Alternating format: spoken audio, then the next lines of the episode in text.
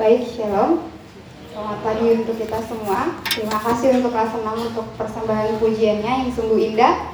Mari kita membuka Alkitab kita dari Yohanes 8, pasalnya yang ke-8, ayatnya yang ke-30 sampai ke-36. Dalam keadaan kitab yang terbuka, mari kita bersatu di dalam doa. Segala puji syukur, hormat dan kemuliaan kami naikkan kepadamu ya Tuhan kami. Benar ya Tuhan, betapa kami berterima kasih untuk segala kebaikanmu di dalam kehidupan kami.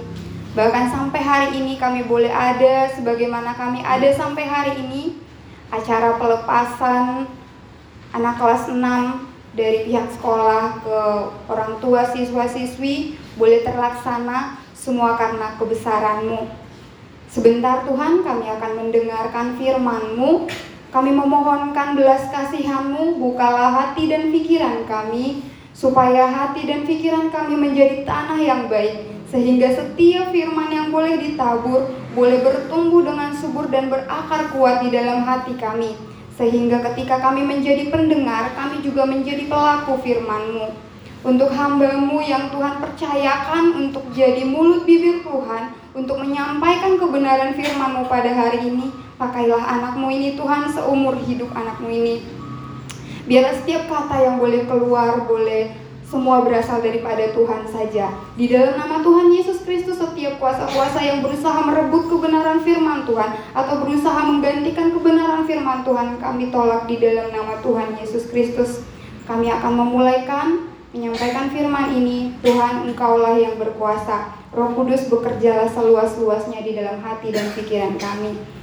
Kami memulaikan pembacaan firman ini di dalam nama Tuhan Yesus Kristus. Amin. Baik. Shalom. Sekali lagi saya sapa Shalom. Damai di hati. Shalom. Damai di hati. Shalom. Kita akan membaca kebenaran firman Tuhan dari eh, Yohanes pasalnya yang ke-8, ayatnya yang ke-30 sampai 36.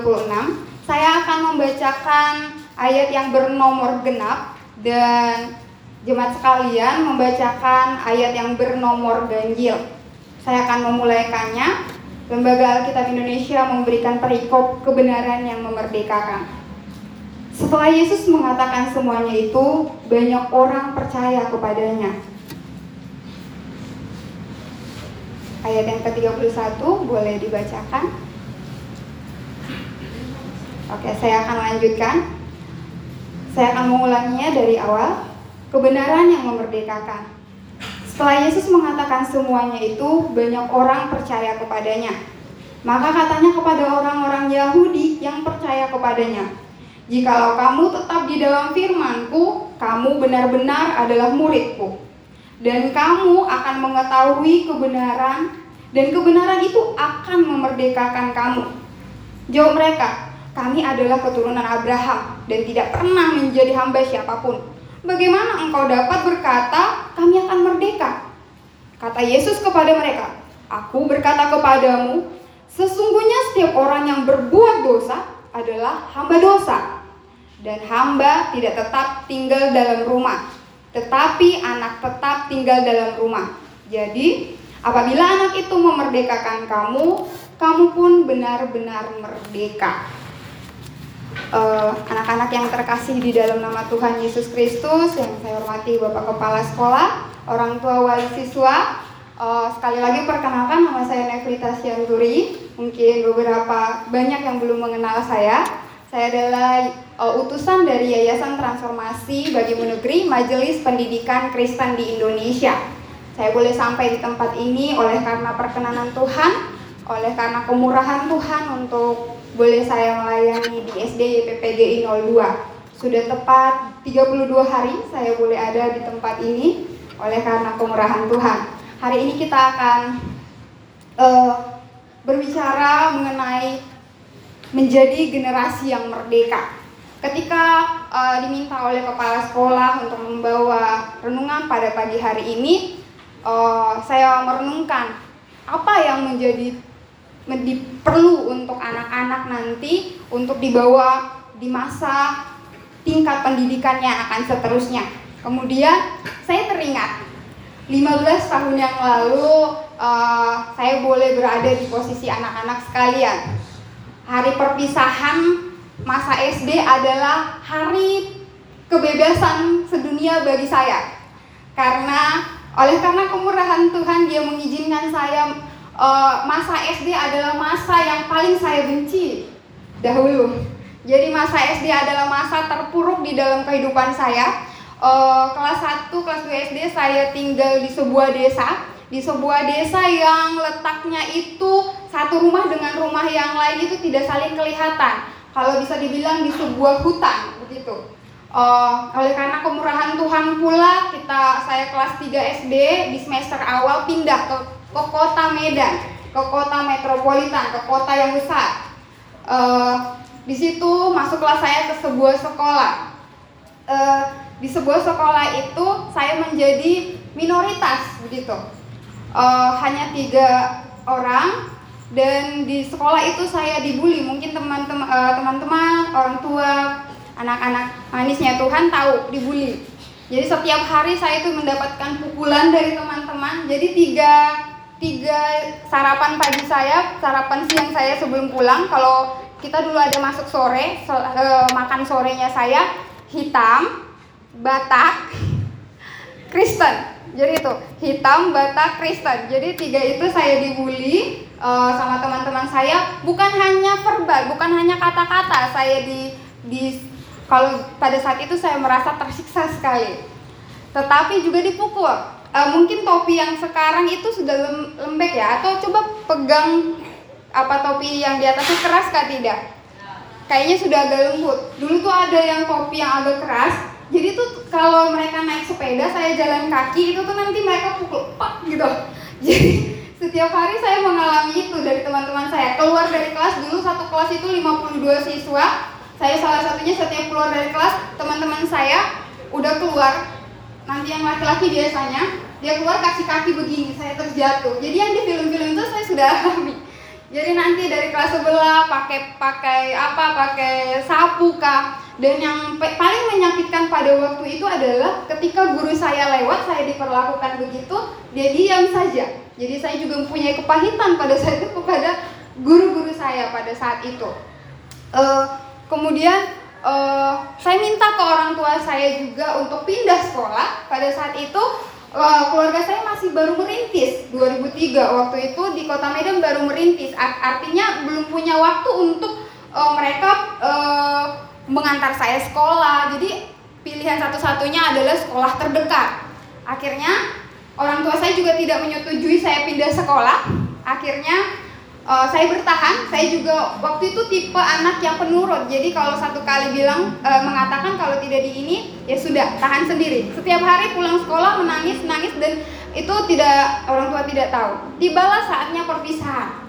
Perpisahan itu adalah hal terbahagia dalam hidup saya. Akhirnya saya akan keluar daripada sekolah ini, saya akan pergi kepada sekolah yang baru, saya akan meninggalkan semuanya ini. Saya akan meninggalkan tangisan-tangisan ini, gitu. Akhirnya saya menge, uh, saya merasa bebas pada saat itu. Ketika teman-teman saya menangis, saya memang diam, tapi dalam hati saya yes, saya berteriak yes. Akhirnya keluar dari sekolah ini. Itulah pengalaman saya dan singkat cerita, uh, saya mengalami perjumpaan pribadi dengan Tuhan. Satu yang Tuhan perlihatkan kepada saya adalah seragam putih merah ini dan saya dibawa melayani di sekolah dasar. Oh, kenapa saya harus melayani sana? Artinya Tuhan punya rencana di sini. Saya dibawa dua, sejak 2019 saya boleh melayani uh, di sekolah dasar dan mengenal anak-anak dan mengerti hati mereka, masuk ke dalam dunia mereka dan mengingat masa-masa saya. Uh, kemudian apa itu merdeka? Sebenarnya apa itu merdeka? Apa yang saya alami? Apakah itu merdeka? Artinya terlepas dari masa-masa kesulitan, masa-masa terpuruk saya, saya merasa itu merdeka. Pada saat itu saya merasa itu merdeka sekali. Ternyata saya masuk SMP saya juga mengalami, tapi puji Tuhan di SMP Tuhan kasih satu guru yang luar biasa yang uh, menganggap saya sebagai temannya. Dia selalu mendengarkan cerita saya, saya selalu menangis ke beliau dan uh, saya merasa ada harapan baru. Di satu guru saya ini ada harapan baru, namanya Ibu Ivana. Saya masih ingat sekali namanya Ibu Ivana. Uh, kepada beliau saya merasa ada kehidupan yang baru. Akhirnya di situ saya memutuskan untuk berbagi cerita ini kepada anak-anak semua. Mari kita masuk ke dalam firman Tuhan. Apa itu merdeka? Setelah Yesus mengatakan semuanya itu banyak orang percaya kepadanya. Merdeka artinya adalah terbebas dari sebuah ikatan, terbebas dari sebuah perhambaan. Oh, mungkin kita juga sama seperti orang Yahudi ini yang mengatakan, kami adalah keturunan Abraham, tidak pernah kami jadi hamba siapa-siapa. Kami hidup untuk diri kami sendiri. Kami ini tidak tidak diperhamba oleh siapa pun. Lalu kami merdeka dari apa? Ternyata merdeka yang saya alami di SD itu berbeda dengan merdeka yang dimaksudkan dalam firman Tuhan ini. Merdeka yang yang saya alami artinya uh, terlepas daripada uh, sisaan yang saya alami, penderitaan yang saya alami. Saya pikir demikian. Ternyata merdeka yang di dalam Kristus sungguh amat berbeda bagaimana kita tetap di dalam penderitaan tetapi ada sukacita yang luar biasa. Kita tetap dalam tantangan, halangan dan rintangan tetapi ada damai sejahtera dari surga yang turun atas kita. Ada jiwa yang terbebas. Jadi bukan berarti menjadi merdeka kita itu tidak ada halangan lagi, tidak ada rintangan lagi, tidak ada masalah lagi. Tetapi bagaimana kita tetap berjalan di tengah dunia yang penuh dengan dosa dan penderitaan ini, tetapi kita penuh sukacita kita punya jiwa yang terbebas. Jadi jiwa, roh, dan tubuh kita dibebaskan oleh Kristus. Dan itu hanya terjadi. Mari kita melihat dari ayat 30. Setelah Yesus mengatakan semuanya itu, banyak orang percaya kepadanya di pasal-pasal sebelumnya, perikop sebelumnya kita melihat ketika uh, Tuhan Yesus berjumpa dengan satu pelacur, uh, mungkin di pas di awal-awal pasal 8 ini, bagaimana dia berzina, kemudian orang-orang Farisi, orang-orang Yahudi itu membawa dia dan sengaja sebenarnya mau mau mencobai Tuhan Yesus. Pada akhirnya perjumpaan itu terakhir Tuhan Yesus mengatakan Aku pun tidak menghukum engkau, pergilah dan jangan berbuat dosa lagi. Perjumpaan pribadi antara si perempuan yang pendosa tadi dengan Tuhan Yesus Kristus mengubahkan hidupnya. Nanti di pasal-pasal selanjutnya kita akan melihat perempuan itu menjadi murid Kristus. Kemudian ketika semuanya didengarkan, pertama-tama adalah pendengaran. Bagaimana kita bisa merdeka adalah pendengaran akan firman Tuhan. Pendengaran firman Tuhan akan membuat kita mengerti dan Roh Kudus bekerja. Dan setelah orang percaya, kemudian setelah kita mendengarkan firman Tuhan, Roh Kudus bekerja dan kita menjadi percaya. Maka katanya kepada orang-orang Yahudi yang percaya kepadanya. Jadi ini sudah firman yang secara khusus kepada orang-orang yang percaya yang percaya kepadanya. Percaya artinya mengandalkan, menerima Yesus secara pribadi, mengandalkan Yesus saja sebagai Tuhan dan Juru Selamat untuk seluruh hidupnya, bahkan untuk kehidupannya yang kekal. Dan jikalau kamu tetap dalam firmanku, kamu akan benar-benar adalah muridku. Tetap dalam firmanku. Artinya, hidup orang percaya dengan iman. Kita percaya juga bukan karena usaha kita, bukan karena pekerjaan kita, tetapi semuanya pemberian Allah. Efesus 2 ayat 8 sampai 10 mengatakan, bukan karena usaha kita, bukan karena pekerjaan kita, tetapi semuanya pemberian Allah. Dan kemudian uh, jikalau kamu tetap di dalam firmanku, kamu benar-benar adalah muridku. Langkah pertama untuk merdeka adalah pendengaran akan firman Tuhan sampai Roh Kudus bekerja, sampai ia menaruh kalau Bapak Gereja Agustinus mengatakan bahwa sampai Roh Kudus menanamkan iman itu, menumbuhkan iman itu. Jadi itu bukan usaha kita, itu anugerah. Kita bisa percaya kepada Kristus itu benar-benar anugerah. Ketika itu kita percaya, kita mengambil sikap untuk percaya, kita mengambil keputusan untuk percaya kepada Yesus saja sebagai Tuhan dan Juru Selamat pribadi dan mengandalkan Yesus saja untuk kehidupan kita masa sekarang sampai pada kekekalan. Untuk masuk ke dalam kerajaan surga adalah pemberian. Oleh karena dosa kita sudah uh, terbelenggu oleh dosa dan Kristus datang menyelamatkan kita dengan darahnya yang kudus. Dan kemudian kita tetap, artinya tetap di dalam firmanku ini artinya mengalami, mengalami secara pribadi firman Tuhan. Mengalami secara pribadi artinya ketika hari ini saya berbicara tentang uh, pengalaman yang membebaskan, uh, bagaimana Kristus hadir di dalam kehidupan saya secara pribadi, bagaimana firman Tuhan boleh uh, apa namanya saya dengar dan saya alami, bagaimana uh, firman itu bekerja dan satu kali uh, contohnya kayak seperti saya pernah mengalami satu kali saat teduh pagi saya ber uh, saya merenungkan mengenai bertolong-tolonglah dalam Galatia. Kemudian oleh karena kemurahan Tuhan, hari itu saya mengalami bagaimana ada orang yang benar-benar menolong saya. Bagaimana pertolongan sejati itu hadir dan itu pengalaman bersama Kristus. Bagaimana uh, seperti yang Tuhan katakan ber, kepada perempuan Samaria dalam roh dan kebenaran. Perjumpaan kita pribadi dengan Tuhan Yesus Kristus dalam roh itu sendiri karena Allah itu adalah roh. Dan kemudian dan kamu akan mengetahui kebenaran dan kebenaran itu akan memerdekakan kamu. Nah, kebenaran inilah yang akan melepaskan kita dari ikatan dosa. Siapa itu kebenaran? Tuhan Yesus mengatakan dalam Yohanes 14 ayat 6, "Akulah jalan dan kebenaran dan hidup." Tidak ada yang sampai kepada Bapa kalau tidak melalui aku. Perjumpaan pribadi kita dengan Kristuslah yang memerdekakan kita. Tapi bagaimana cara kita bisa merdeka? Oleh pendengaran firman Tuhan, percaya tetap di dalam firman Tuhan. Uh, tidak hanya membaca firman Tuhan, membaca firman Tuhan setiap hari dan melakukannya, melakukan firman Tuhan. Dan kemudian yang terakhir, kata Yesus kepada, aku berkata kepada setiap orang yang berbuat dosa adalah hamba dosa.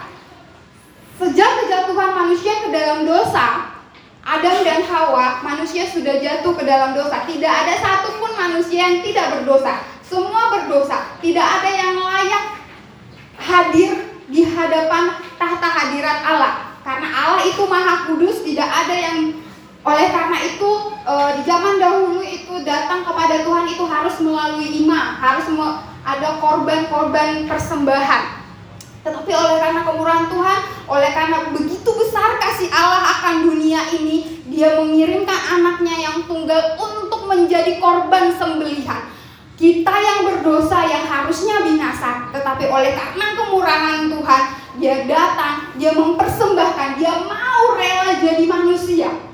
Tuhan kita mau rela jadi manusia, merasakan rasanya jadi manusia, merasakan rasanya lapar, merasakan rasanya tertinggal, merasakan rasanya kepedihan, merasakan rasanya diludahi, dicaci, dimaki, dan semua dia rasakan. Artinya, anak-anak semua, orang tua, bapak mama semua yang ada di tempat ini, apa pun yang bapak mama rasakan sampai hari ini, Tuhan Yesus kita sudah pernah merasakannya. Sehingga ada mengatakan dia mengerti, dia peduli. Artinya dia mengerti perasaan kita, dia mengerti kehidupan kita. Oleh karena itu, dia datang untuk memperdamaikan Allah yang kudus manusia yang berdosa dengan darahnya yang kudus dengan sempurna kita dibebaskan daripada dosa dan menerima kemerdekaan yang sejati. Kita tidak lagi berjuang untuk memperoleh hidup yang kekal atau surga, tidak lagi berusaha untuk mendapatkan surga karena itu sudah diberikan. Seperti anak kelas 6 mengatakan, pakailah hidupku seumur, pakailah hidupku ini seumur hidupku. Artinya, karena kita sudah menerima anugerah Allah yang terbesar itu, oleh karenanya kita hidup sebagai ucapan syukur. Kita melakukan kebaikan, kita melakukan segala aturan-aturan yang Tuhan berikan itu untuk mengucapkan terima kasih. Karena yang terbaik sudah diberikan, yaitu dirinya sendiri. Sehingga setiap orang yang percaya kepadanya akan memperoleh hidup yang kekal surga sudah diberikan secara gratis dan cuma-cuma oleh pengorbanannya di kayu salib. Mari kita melanjutkan kehidupan kita dan mari kita menjadi generasi yang merdeka. Generasi yang merdeka artinya adalah generasi murid Kristus.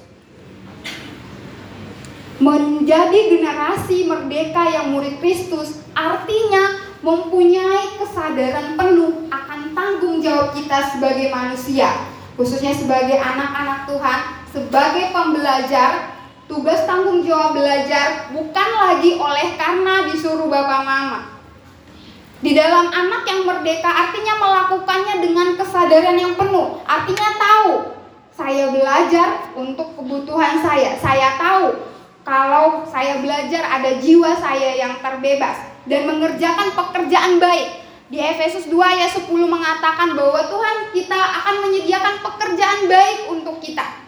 Dan bagaimana kita mengerjakan pekerjaan baik itu dengan kesadaran tanggung jawab yang penuh dalam kemerdekaan di dalam Kristus. Akhirnya tidak ada lagi kepahitan-kepahitan, tidak ada lagi kemarahan-kemarahan. Oleh karena firman Tuhan yang memenuhi seluruh hati dan pikiran kita.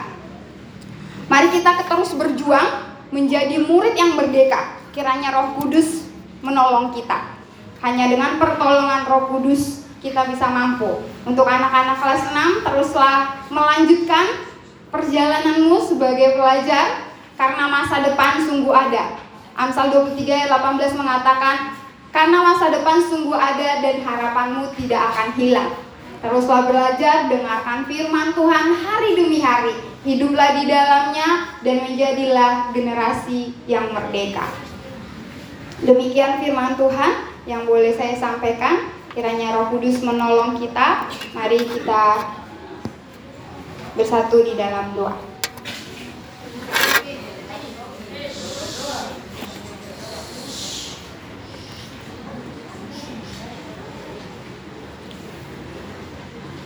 Segala puji syukur dan hormat kepadamu ya Allah kami. Tuhan tahu apa yang ada di dalam pikiran kami. Tuhan tahu apa yang sedang kami pergumulkan. Tuhan tahu apa yang sedang kami alami saat ini. Tuhan ini kami, kami memohon belas kasihanmu, memerdekakanlah kami daripada ikatan dosa yang membelenggu kami, dari tipuan-tipuan si jahat yang selalu membuat kami ragu akan engkau. Kuatkan dan teguhkanlah hati kami Tuhan supaya kami boleh benar-benar percaya dan mengandalkan Engkau sebagai Tuhan dan Juru Selamat kami pribadi. Oleh karena kemurahan-Mu, kami telah menjadi anak-anak-Mu yang merdeka. Tuhan, Tuhan tahu segala yang membentuk kehidupan kami di masa-masa yang lalu. Kami percaya di dalam Tuhan ada pemulihan, ketika kami boleh mengalami perjumpaan pribadi dengan Engkau. Kami merindukan hari itu Tuhan. Bagaimana kami boleh mengenal Engkau secara pribadi bukan karena kata pendeta kami, bukan karena orang tua kami, bukan karena kata guru kami, tetapi kami benar-benar mengalami Engkau. Kami benar-benar berjumpa dengan Engkau. Kami benar-benar boleh menyembah Engkau dalam roh dan kebenaran. Kiranya dengan kemurahanmu kami boleh memperoleh anugerah itu. Firmanmu telah tersampaikan ya Tuhan. Ini hati kami, biarlah hati kami menjadi tanah yang baik. Firmanmu boleh tumbuh dan berakar kuat sehingga kami tidak hanya mendengarkan firman Tuhan, tetapi menjadi pelaku firman Tuhan. Dan kami boleh hidup tetap di dalam firman-Mu. Biarlah firman-Mu setiap hari kami boleh baca, renungkan, dan hidupi oleh karena pertolongan roh kudus.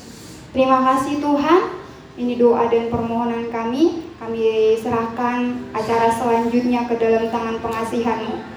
Hanya di dalam nama Tuhan Yesus Kristus kami berdoa dan mengucap syukur. Amin.